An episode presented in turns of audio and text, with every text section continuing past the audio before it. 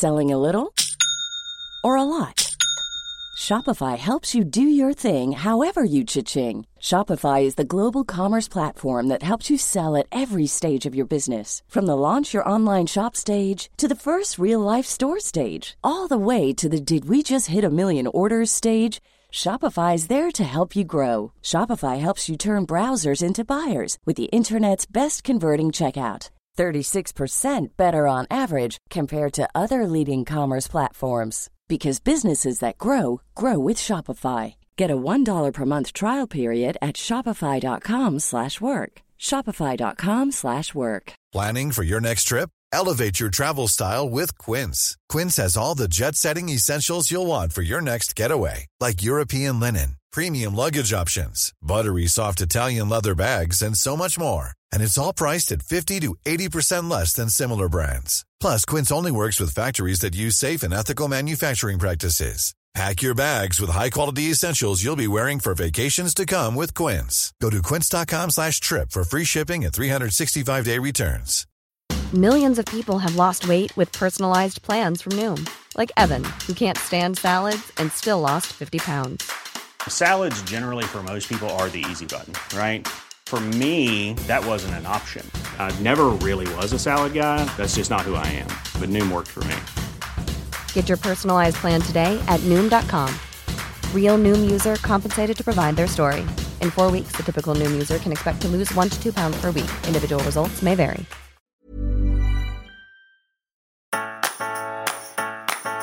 Du lyssnar på Ridsportpodden, en ny podcast från tidningen Ridsport. I den här podden träffar vi ryttarna som du vill lära känna på djupet. Värd för programmet är hästsportsjournalisten Andrea Berlin. Hej! Nu drar vi igång avsnitt nummer två av podden. Den här gången har jag rest ner till Holland för att träffa svenska hoppryttaren Erika Lickhammer. Här har hon bott och tävlat under tio års tid och idag driver hon en framgångsrik tävlingsverksamhet som just nu växer för fullt. Tillsammans med Erika tänkte jag att vi skulle prata om hur man lyckas med sin karriär utomlands och hur träningssystemet i Holland faktiskt skiljer sig från Sverige. Häng med så ska vi se om vi hittar henne. Välkommen till podden Erika, så kul att vi får komma hit. Ja, kul att ha det här hos oss i Holland. Nu är vi på plats i Asten där din eh, drömanläggning just nu håller på att byggas utanför dörren här. Men eh, resan hit har ju varit väldigt lång och eh, numera är du ju inte en nykomling här nere. Du måste börja berätta för lyssnarna varför du egentligen tog steget och flyttade hit till Holland. Ja, ehm, det hela började egentligen för hela tio år sedan. Och det är egentligen en, en ren tillfällighet. Det var en ryttarkollega till mig, Angele von Essen, som skulle rida en klinik för eh, den då eh, väldigt aktiva tävlingsryttaren Erik van der Flöten. Eh, hon frågade om jag ville hänga på och jag tänkte att eh, det, det är kul, jag kan lära mig någonting av det. Jag var då väldigt blyg och ganska tyst av mig. Jag gillade inte att prata engelska. Um, så för mig var det ett ganska stort steg att egentligen bara åka på den kliniken. Mm. Um, men jag tyckte det var jättekul. Jag trivdes väldigt bra med Erik. Och uh, lite spontant så där hör jag mig själv fråga om, om det hade varit okej okay att komma ner till honom och träna lite. Mm. Uh, och jag hade egentligen aldrig varit utomlands. Jag, jag hade varit på några utländska tävlingar men aldrig tränat för någon utländsk tränare innan eller så. Um, så när jag väl skulle ner till Erik så var jag egentligen väldigt, väldigt nervös och kanske ångrade att jag hade frågat honom. Men uh, ja, jag tog mig ner mm. med tre hästar. Um, 2005, um, nyårs, nyårsdagen var det. Vad hade du för erfarenheter då? Jag hade ju gjort relativt mycket som ponny, junior och young rider-ryttare. Um, vunnit SM och tagit SM-medaljer och ridit lite EM och sådär. Eh, vid det här laget var jag 23 år gammal så jag hade eh, fått börja om lite som senior. Jag hade inte riktigt hästar för att egentligen vara med på någon hög nivå. Och jag kände väl att det här var väl lite den chansen, alltså den tiden i mitt liv att skulle jag göra någonting så var det då. Um, så jag, ja, det var en, ett bra tillfälle i livet att testa på någonting så att säga. Du hade egna hästar i Sverige som du hade meriterat dig med som du ville ta med hit? Ja, eh, jag hade inte kvar så mycket av de hästarna. De, de flesta av de hästarna jag har ridit på har ju varit från hästägare. Eh, och de kanske såldes eller de pensionerades eller de togs över av eh, ägarens dotter eller son och sånt. Så att jag, jag, hade, jag red ju eh, fyra år för en, eh, för en hästägare, Susie Brodin. Eh, och vid sidan av där så började jag ett eget företag. Så att vid det här laget så hade jag precis börjat eget företag och hade lite egna hästägare vid sidan av mitt jobb hos Susie då, då, som började trappa ner för att hon trappade ner därför att vi sålde hästarna så att säga. Mm. Um, så det var väl det där jag stod då, att jag hade ett litet företag eh, och Susu skulle väl lägga ner sin verksamhet. Mm. Och hur utvecklades det sen när du väl kom hit? Ja, det, det blev ju att jag åkte ner med tio hästar och ett litet företag då. Det var hästägarhästar mest, någon egen häst. Eh, och jag jag åkte inte hit för att flytta till Holland. Det är många som brukar fråga liksom, hur vågar du flytta till Holland? Ja. Men, men, det gjorde jag inte, utan jag åkte ner i oktober, november någon gång och sa att jag ska spendera vintern i Holland och sen får jag se lite vad, vad det blir av det hela. Om, om jag har här nere att göra, rent kan jag, kan jag klara av det här liksom. Mm. Eh, men undan för undan så, så växte företaget, blev större och större rent sportsligt gick det väldigt bra.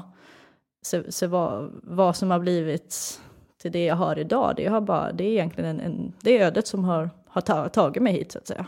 Mm. Och vad, hyrde du in dig då på ett ställe eller vart kom du till ja, att börja med? Precis, jag, jag kände ju, jag hade ju väldigt bra kontakt med Erik mm. fortfarande och hans familj, en fantastisk familj. Så jag, jag, ringde honom och frågade om han kunde hjälpa mig att hitta något stall och sådär då. Mm. Så att jag, jag hyrde in mig på en, en, ganska stor tävlingsanläggning här i Asten då i närheten av vart jag idag bygger anläggning.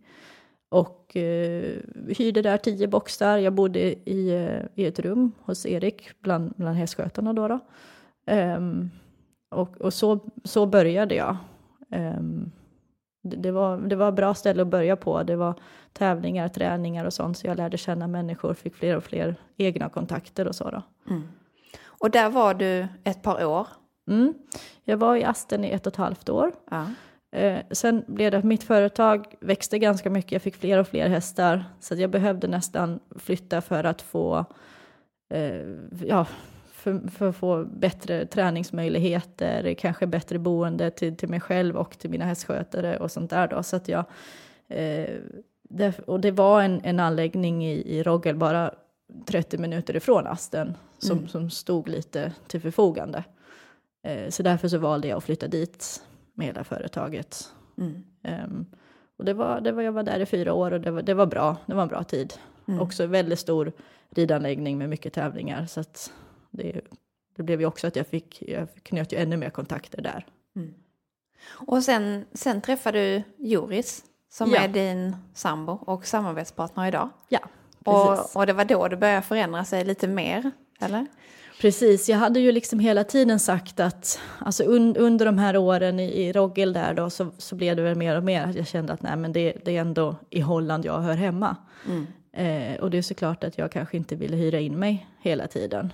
Och ja, någon gång där så träffade jag Joris och vi började väl så, ja, ganska så snabbt så kände vi väl att det här känns bra.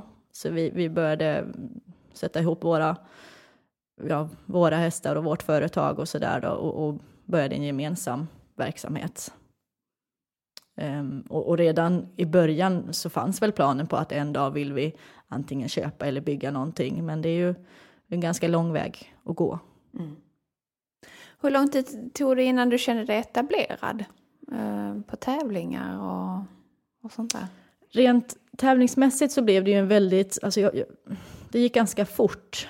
Eh, jag trodde inte det. När jag, när jag först tog mig ner här då, när jag bara var här i några veckor hos Erik, så var jag som sagt ganska nervös och jag kände att eh, har jag verkligen här att göra? Eh, Kommer jag klara av det här? Kommer jag inte känna mig som en liten nolla ute på tävlingarna? Eh, och, och det var det jag kände direkt under de där veckorna, att jag kände mig så välkommen. Det, känd, det kändes som att jag, jag var välkommen här, det var här jag skulle vara liksom.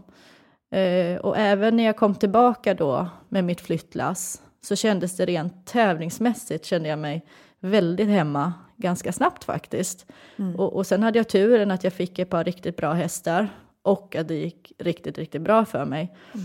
2007 var jag ändå reserv till EM, senior-EM och sånt, så det, det innebar att jag kom ut på stora tävlingar och fick väl ganska mycket respekt för det också i och med att jag kom här som lite ny blond tjej. Eh, men det gick väldigt bra på tävlingsbanorna. Så det är såklart att det hjälpte ju mig att, att känna mig väldigt hemma på den biten. Sen är det en annan bit att etablera sig här rent ekonomiskt, eh, allt det här. Eh, och, och det, Och det, det gjorde ni tillsammans. Ni slog er ihop och då blev det lättare på något sätt att, att driva eget eller? Ja, precis. I i början här så gick det bara av sig själv och kanske även de, de åren där jag hade väldigt mycket framgång. Då var det också ganska lätt. Eh, sen blev det väl några tunga år där, där man var lite ensam. Jag tog, tog på mig kanske lite för mycket hästar därför att jag skulle klara av det ekonomiskt och man insåg mer och mer att man måste sälja ganska mycket för att klara av det här. Eh, och, och det var precis då Joris kom in i bilden, så han kom in i väldigt bra tid kan man säga. Eh, och, och från det att vi började, Joris hade inget företag då, han är lite yngre än mig, men, men från det att vi började gemensam verksamhet och, och hade stallet tillsammans och sa att nu, nu kör vi på det här, så blev det mycket lättare. Det blev det. Alltså det är ju stor skillnad att vara två än att vara ensam med allting. Ja. Och, och steget att bygga det här egna, eh, hur kom det? Ja, det, det har väl liksom hela tiden legat där. Alltså från det att, att det blev väldigt seriöst mellan mig och Joris har vi hela tiden sagt att vi vill ju ha något eget. Och jag tror att det har väl varit hela Joris familjs dröm kanske att, att det här en gång blir en ridanläggning här. Eh, så planerna har funnits där.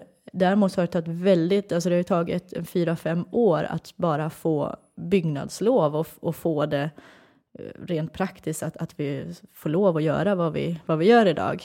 Eh, Det är en lång väg att gå i Holland. Det är inte som i Sverige att man bara bygger upp en anläggning. Nu, det behövs ju byggnadslov där också, men, men det, tar, det tar tid i Holland. Så under väldigt många år har det här pågått. Vi har ju varit runt och kikat där ute och det ser fantastiskt ut. Eh, om du vill beskriva lite, för det, det är ju inte svenskt eh, kan man ju inte påstå om man tittar rent generellt så här på byggnaderna. Det, det är i detalj uttänkt. Ja, det stämmer. Eh, Holländarna är ju väldigt mycket för detaljer. Det är att eh, det första du ser ska vara, det ska vara ordning, det ska vara, det ska vara snyggt, det ska vara rent, allt sånt. Va? Så att, plus att det ska vara lättarbetat, allting är väldigt, väldigt kompakt. Man, eh, man går liksom från, eh, från stallet ut direkt till ridhus, man går direkt till ridbanan, allting är väldigt lätt. Också för att det ska vara lätt att sköta. Det blir ju väldigt mycket att, att ta hand om på en sån här anläggning Eh, givetvis. Och i och med att vi, det ska vara ordning, det ska vara häckar, det ska vara stenar, allt ska vara sopat, allt ska vara klippt, så gör man det ganska kompakt också för att klara av allting. Mm. Jag kan tänka mig att det är en stor ekonomisk bit också det här med att, att eh, bygga eget. Från att kommit, från att kanske hyra till att ta det här steget. Hur har, hur har ni klarat det? Ja, givetvis, det är ju ett jättestort steg och det har vi ju, vi har ju kanske haft tur att vi har behövt ha de här åren på oss att få lov att göra det här, för att det har ju varit, det har ju varit många timmars slit. Eh, och, och från min sida har det ju varit att jag, jag kommer från en helt vanlig familj som inte har någon hästanknytning alls eh, till att göra det här. Så det, det har varit en lång väg. Eh, vad jag har fått göra, eh, som, som kanske inte alla har förstått på vägen, är att jag har fått sälja mina bästa hästar. Eh, jag har fått offra dem. Jag har behållit en kanske, men för övrigt har jag sålt allt. Eh, och kanske sålt dem lite när de har haft sin topp. Så det har varit för mig väldigt tråkigt. Eh, och jag har ångrat det många gånger och jag har många gånger tänkt att jag saknar den där hästen och varför gjorde jag det? Men idag när jag går här på den här anläggningen som, som snart finns så har jag sagt att ja, nu ångrar jag ingenting längre, det var värt det. Ja, det är klart. Men jag har sålt många tävlingskompisar, det har jag Ja. gjort. Och många hästar jag, jag saknar och tänkt varför. Men nu, nu är det värt det. Du berättade innan om eh, den här inställningen som man har i Holland att här, här säljer man hästar på ett helt annat sätt och har en annan inställning till hur man jobbar med hästar. Kan du inte berätta lite om det? Jo, vi har ju, det är ju två väldigt olika livsstilar vad gäller hästar i Holland och Sverige. I Holland handlar allt i slutändan om affärer, att, att göra affärer på hästar. Så att här, här handlar det om att redan som unghäst ska de helst se ut som en Grand Prix-häst. De ska hoppa som en Grand Prix-häst för att man ska kunna tjäna så mycket pengar på hästen som möjligt. Eh, och, och det hänger ju med en, det är ju också här de flesta affärer de, de utgår ju härifrån, alltså även amerikaner och allt sånt där, det är ju mycket att de kommer till Holland och, och köper och, och handlar och sånt. Så det är ju, det är ju en stor, alltså det är ju egentligen mycket därför man rider i Holland. Det är för att göra affärer. Så det är, ju, det är ju väldigt annorlunda med Sverige då, när man kanske först och främst rider därför att du älskar en häst. Ehm, och och vill, vill vinna lite och ha lite kul och sådär. Um, I Holland är tävlingarna mer en, en väg um, att, att få hästen att öka i värde, eh, tävlingarna då. då. Um, så så vad, vad, vi, vad vi gör är ju mycket att, att ta fram en häst och att vid dens höjdpunkt rent värdemässigt sälja den. Det är ju så holländarna tänker. Medan jag då som, som svensk sportryttare mer vill behålla dem för min egen räkning för att kunna ha kul på banorna med den. Eh, men som sagt, jag har ju också fått, fått välja att sälja nu mer än vad jag egentligen vill. Och det är kanske också många som tänker att, att Erika har lite försvunnit från tävlingsbanorna.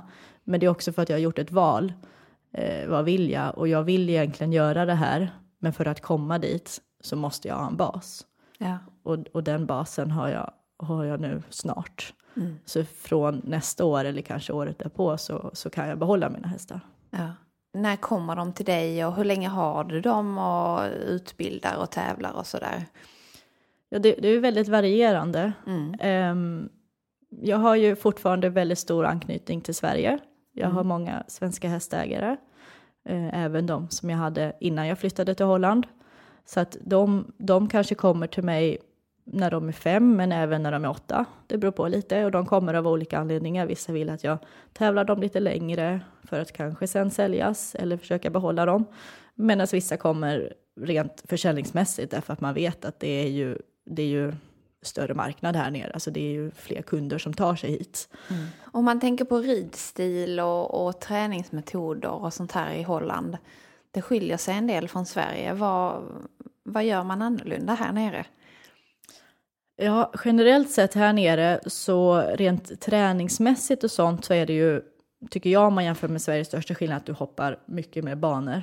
Eh, med unghästen redan, du ser till att den är att den givetvis är inriden och, och lite inhoppad, men sen kör du iväg och hoppar bana med hästen. Vad, vad gör att man vill göra den satsningen så, så snabbt? Ja, de tycker liksom att, att dels så, så vill de ju inte lägga för mycket tid på unghästen, för de vill direkt veta, är hästen tillräckligt bra eller inte? Där kommer vi tillbaka till det att är den inte tillräckligt bra så är det inte värt att lägga pengar på den, då är det bättre att den säljs och så lägger man mer tid och pengar på den som man tycker, tycker mer om då, då som, som ser mer klar ut från början. Så därför gör de det ganska snabbt, att man, man åker iväg, man hoppar banor, man tar dem till lite olika ställen, ser hur de reagerar. Eh, och är de tillräckligt bra får de kanske vara kvar lite längre. Eller så kanske de är så pass bra att man får ett stort bud direkt och då vill de sälja.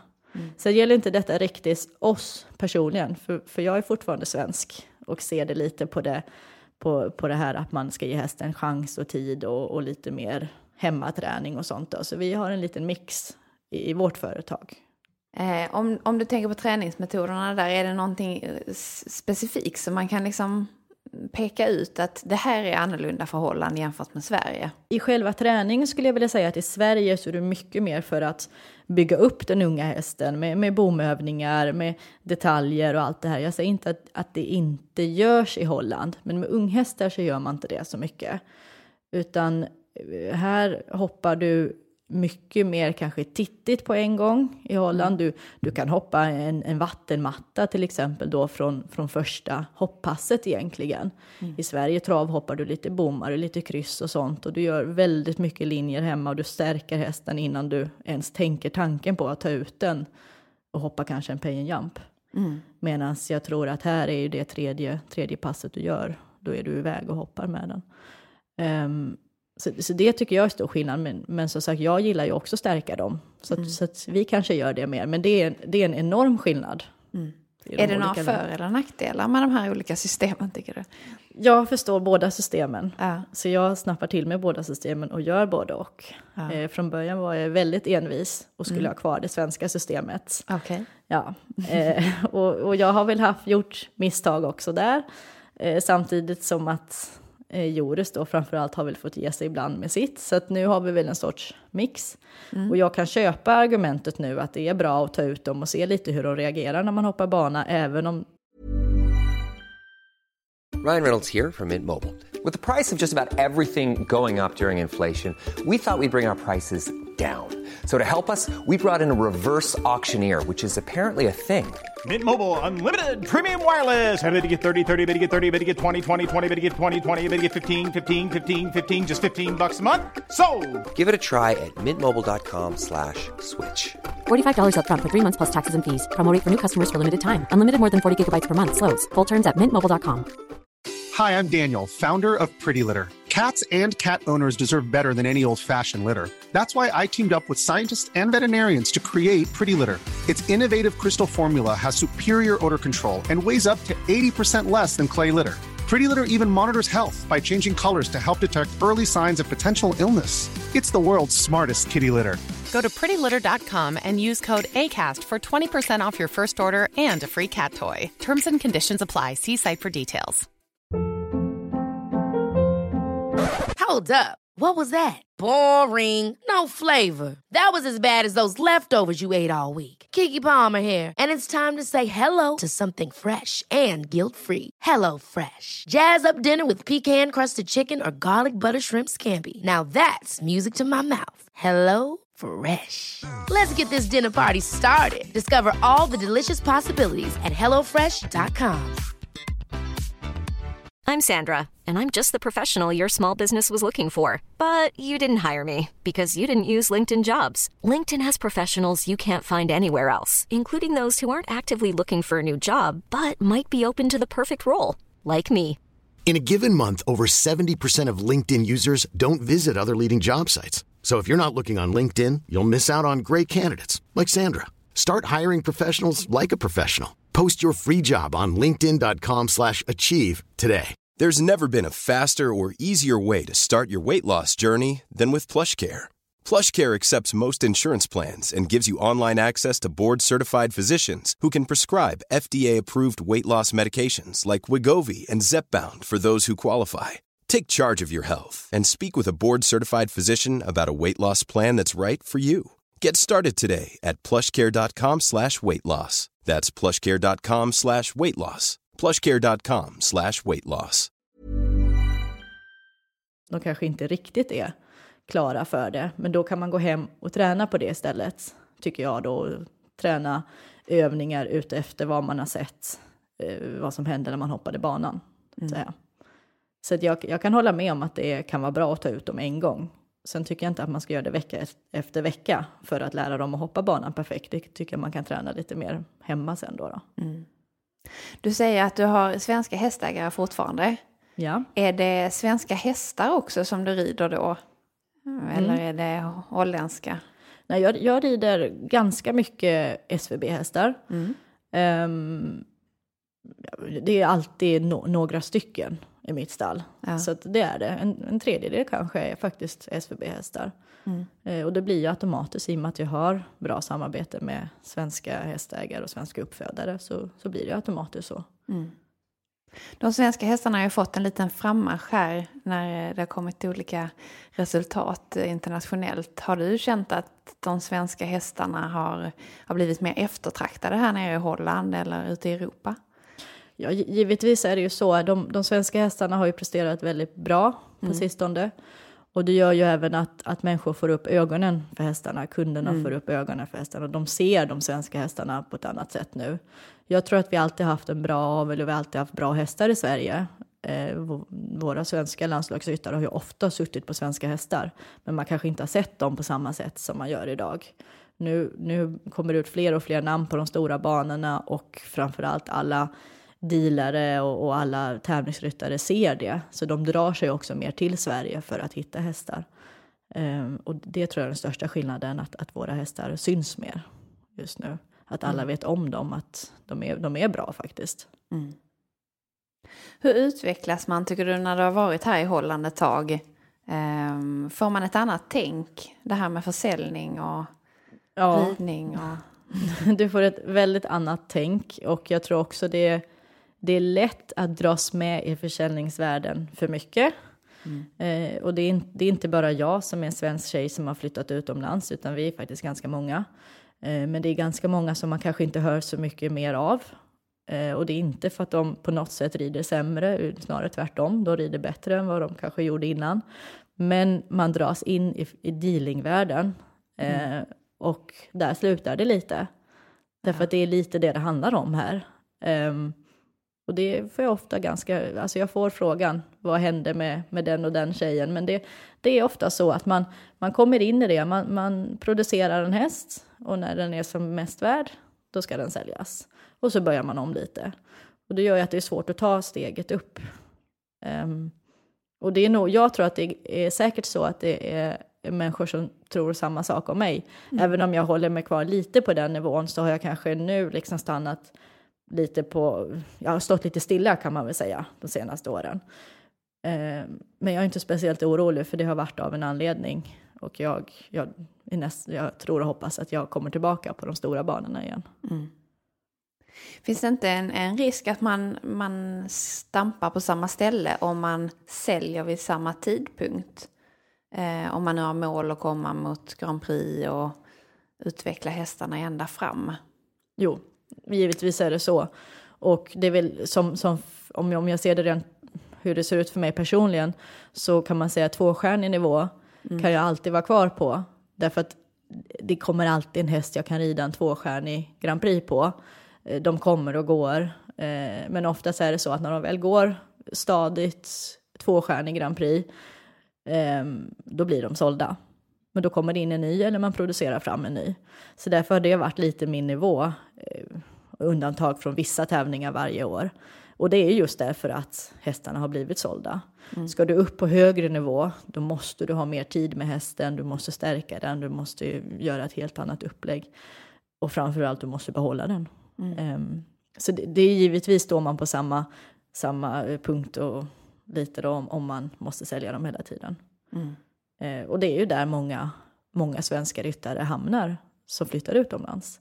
Även, nu är det inte alla som har eget företag, men även de som har eget företag men, och, och jobbar för någon. Det är ju samma där, de bästa hästarna säljs. Du sa innan att du trodde att du skulle kunna behålla hästarna längre nu när ni har egen verksamhet och nytt ställe och alltihopa. Um, hur kan det komma sig? Ja, dels har det ju varit en, en stor kostnad för oss att klara av att bygga det vi bygger idag. Det är ju bara mm, våra egna, så att säga, pengar som vi gör det här av. Ehm, så att nu kommer vi inte ha den kostnaden. Vi behöver inte tjäna in pengar till den här gården längre.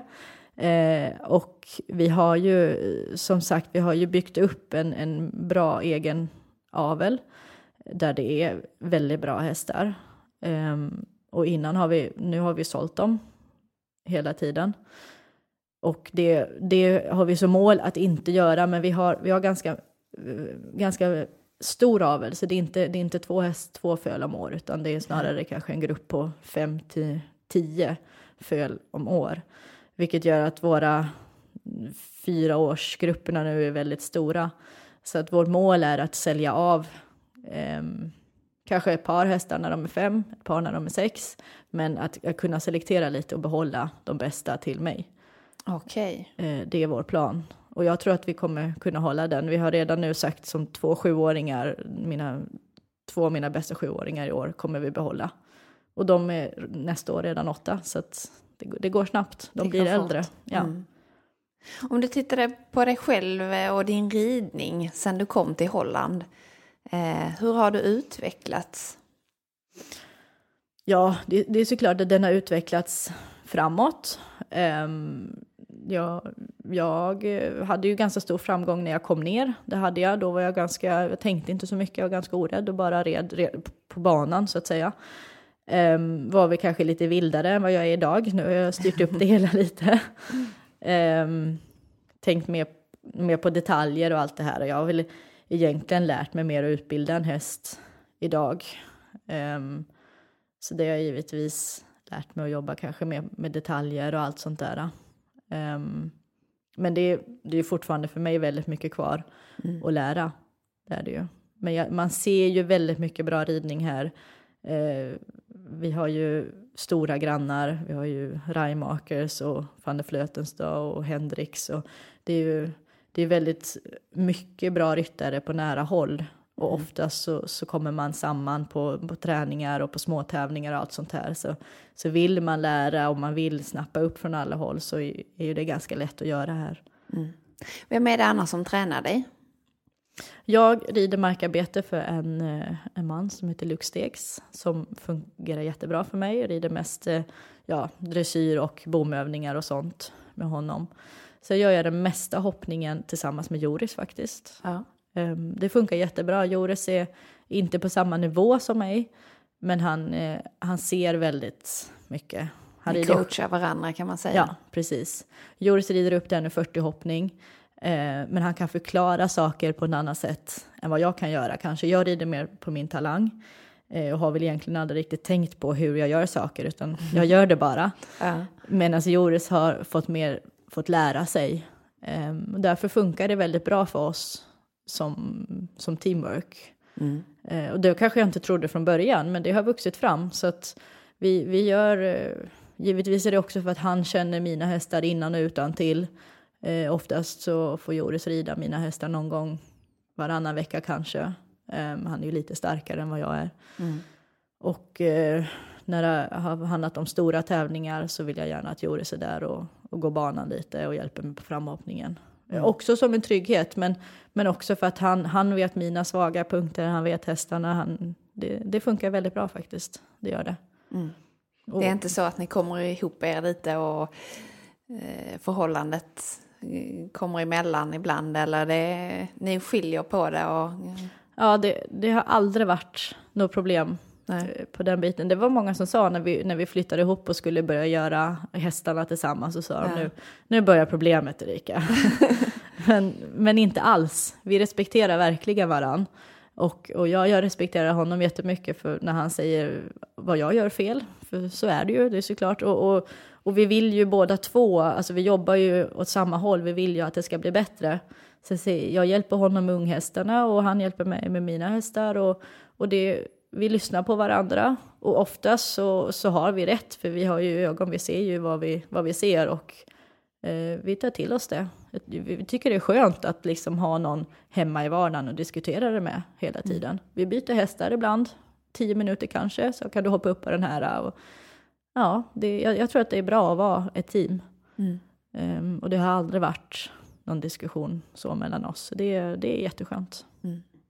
Hur ofta är det mm, kunder och visningar av hästar och, och den här biten? Ja, det är nästan var och varannan dag. Det är det? Ja, det är eh, mer än vad jag önskar. Jag mm. älskar inte den biten, utan jag vill ju ha mina hästar och ha mitt system med dem och jag vill inte att andra hoppar på dem.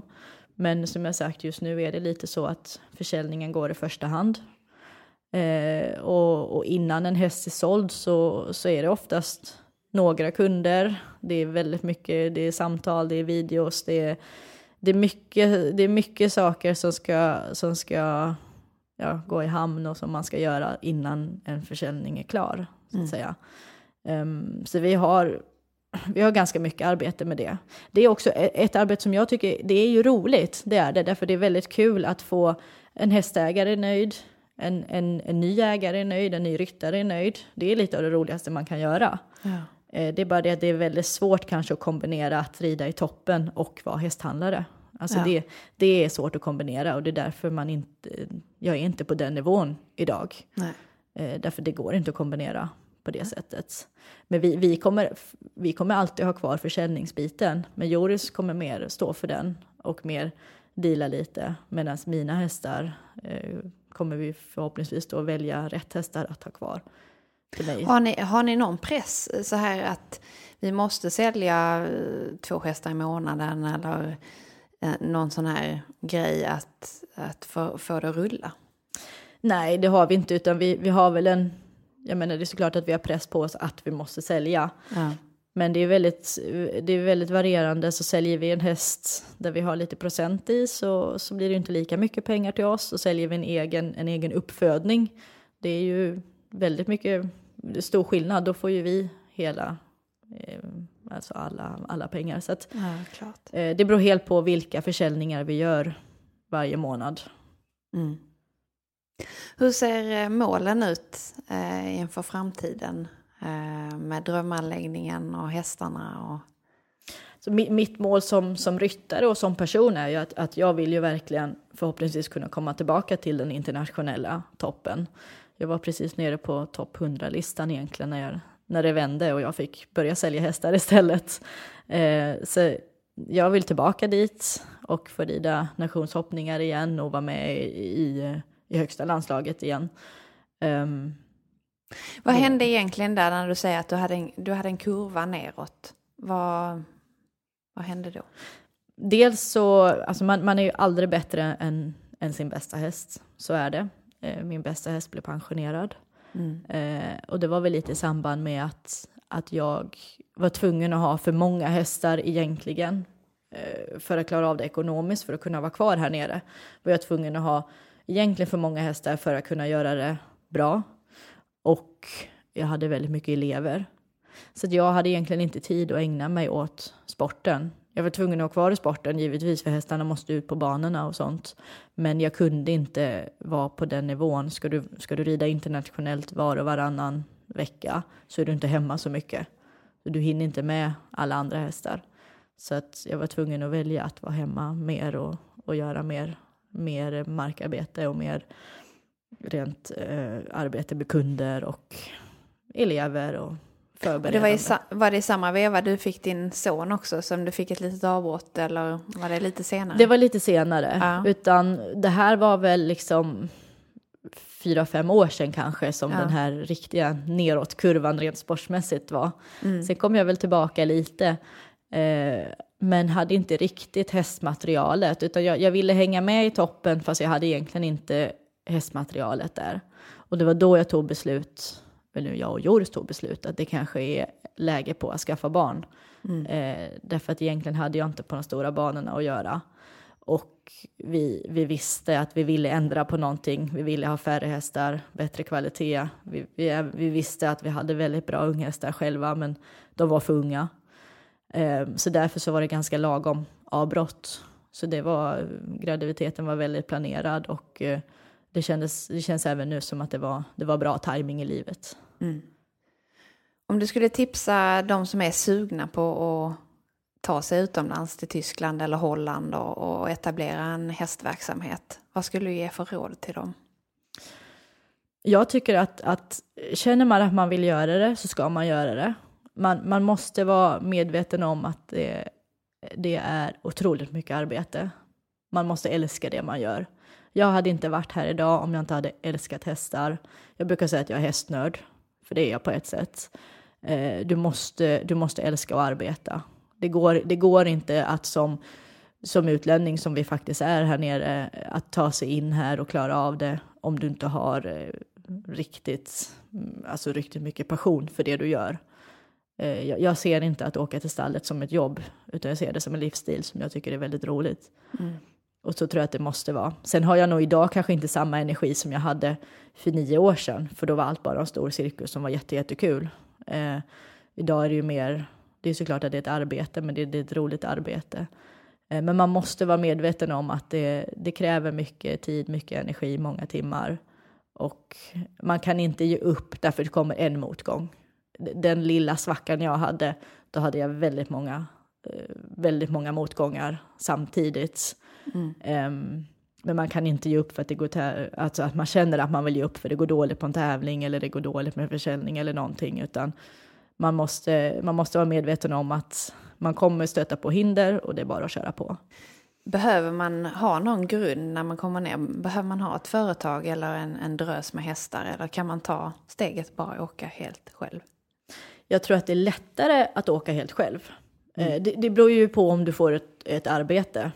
Men om du rider på, på någorlunda hög nivå så kan du nästan alltid få bridararbete här nere. Eh, men det är också tufft, därför att det förväntar sig att du ska vara där jämt. Du har inga lediga dagar och du måste lida bossen och du måste rida de hästarna du blir tillsagd att rida och du ska rida de klasserna du blir tillsagd att rida på de hästarna. Så det är inte... Eh, då, då, får du välja att, att göra den, eh, vad, vad, du blir tillsagd att göra. Eh, men det är väl på, kanske på ett sätt lättare därför du har en trygghet när, när jag kom ner var jag tvungen att göra allting själv. Från att bara anmäla till en tävling till att ta mig dit till att ja, lära känna alla och sånt. När, när du är anställd så har du det lite gratis där. Mm. Um, så det, det, är helt, två helt olika vägar att gå och, och båda, båda går givetvis att lyckas med. Mm. När tror du att eh, drömanläggningen här utanför står färdig? Jag tror att själva Eh, Ja, alltså rent att vi kan flytta in hästarna, det, det ska ju ske i mitten på december. Eh, och då kommer vi ha allt, allt rent praktiskt klart. Hästarna kan flytta in, tjejerna kan flytta in. Detaljer kommer vi fortsätta med under det kommande halvåret. Sen hoppas jag att om fem år att, eh, att det står ett stort fint hus där också, som vi bor i. Mm. Så att jag, men jag tror inte att huset står där förrän om fem år kanske. Mm. Vi får hoppas vi får se det där huset och eh, att anläggningen snart är färdig. Jag tackar så jättemycket för att eh, vi fått en jätteintressant pratstund med dig Erika och eh, önskar stort lycka till. Tack så mycket. Ridsportspodden är tillbaka igen i början på januari med många nya intressanta gäster. Men innan dess så vill vi önska er en riktigt god jul och ett gott nytt år. Vi vill jättegärna veta vem du vill att vi ska träffa nästa gång och vad vi ska prata om. Maila till oss på podden snabela tidningenridsport.se Programmet producerades av Lavaletto.